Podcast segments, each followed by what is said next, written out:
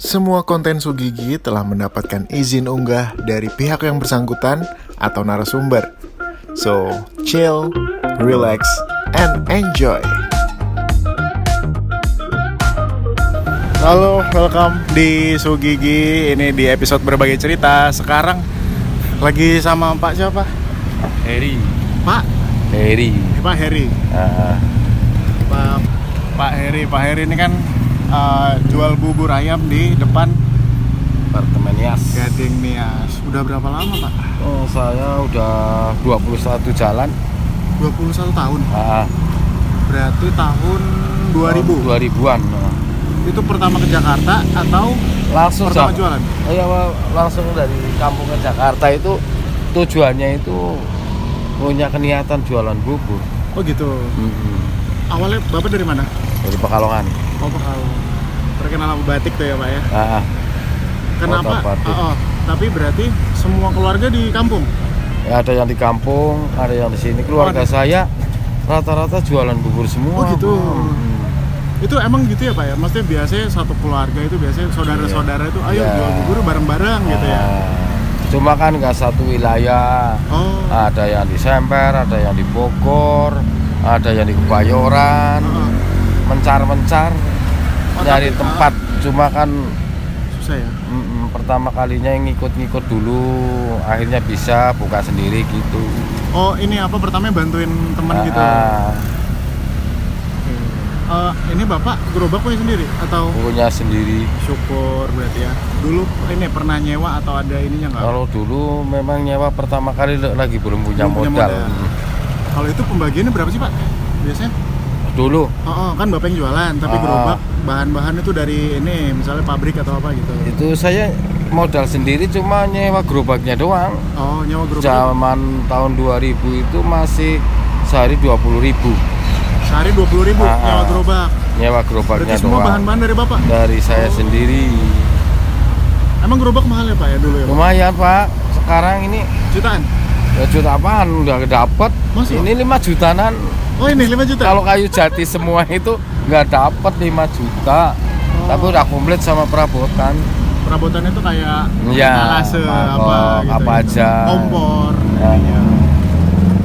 5 juta Nah, akhirnya tahun berapa bisa kekumpul beli gerobak itu saya dari tahun 2000 berarti tahun 2003 saya udah buka sendiri 2003 oh berarti sendiri. cuma sekitar 3-4 tahun udah bisa? Nah, wih udah. cepet tuh pak. Itu saya dulunya kan nyewa-nyewa dulu namanya belum punya modal. Iya. Modal kita kan berangsur-angsur dulu. Iya.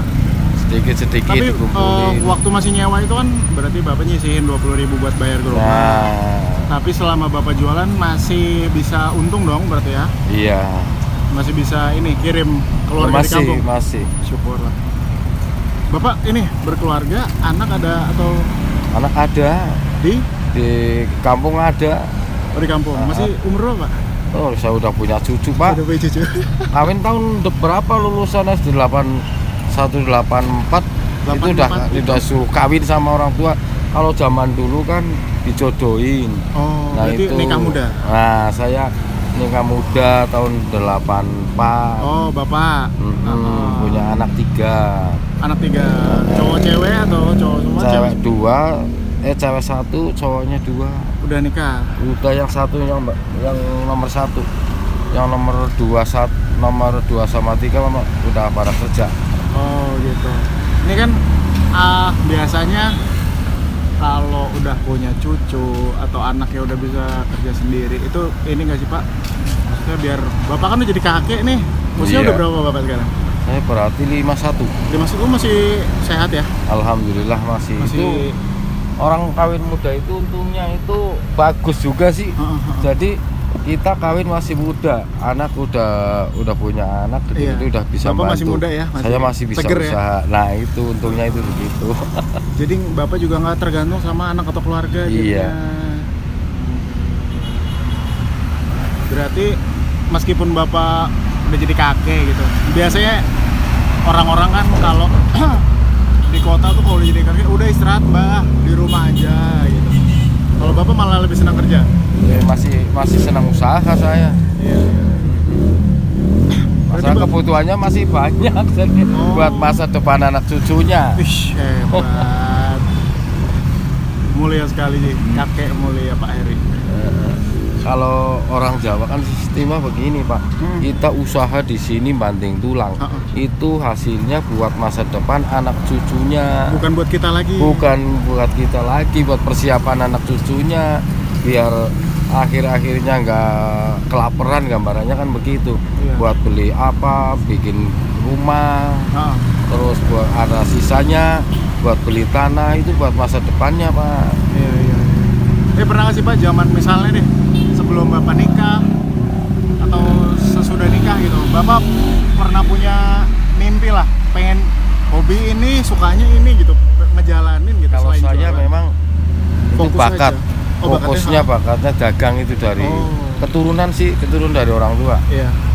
jadi belum pernah kerja bangunan belum pernah proyek itu belum pernah pak Kerja yang fisik Yang- banget belum ah, pernah ya. belum ya. pernah pengennya usaha sendiri mandiri jadi kita nggak diatur orang gitu Wah, bebas Keren. kalau gambarannya kalau orang kampung gambarnya kalau ngikut orang kerja di kantoran kan Disuruh-suruh tuh pasti Nah, Pak ya. nomor satu disuruh kalau ada acara dadak kan nggak bisa pulang Oh. harus izin dulu itu perbedaannya begitu Bedanya usaha nah bedanya usahanya itu begitu nomor satunya nomor duanya itu untungnya udah pasti kalau orang kerja kan Iya. tapi kalau orang dagang kan ada naik ada yang turun Oh, ada yang iya, nambah kayak gitu Bahan-bahan Bapak pernah ini nggak tiba-tiba naik gitu sembako? oh ya sering ini aja lagi pada naik semua Tapi resiko harga nggak boleh naik ya. Ya, harga masih ditahan stabil ya.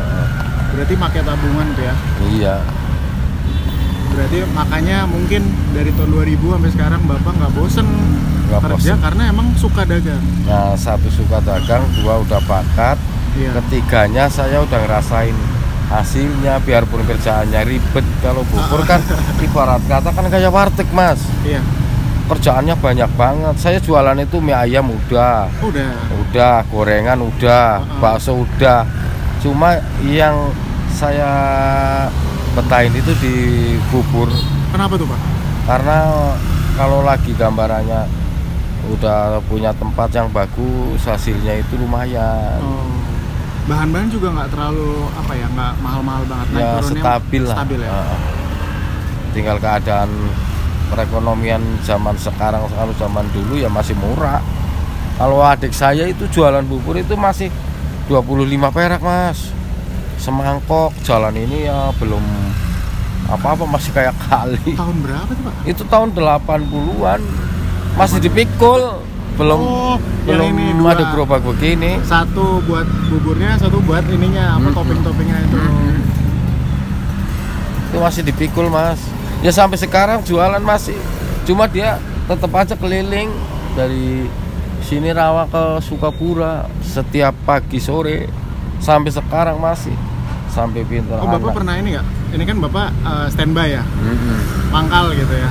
Pernah nyobain bedanya mangkal, untungnya nih ya bedanya mangkal sama muter gitu. Pernah nggak? ya pernah dulu lagi pertama kali memang muter-muter Ah, dulu terus gimana pak? Ke komplek gitu ya Ah, ah, permaluman? cuma capek Oh iya. ya kalau lagi rame lumayan kalau lagi sepi capek tenaganya Jadi mendingan mangkal tapi ya rame atau sepi ya tapi nggak capek gitu. iya nggak capek kalau mangkal itu kan apa disamperin pembelinya Betul.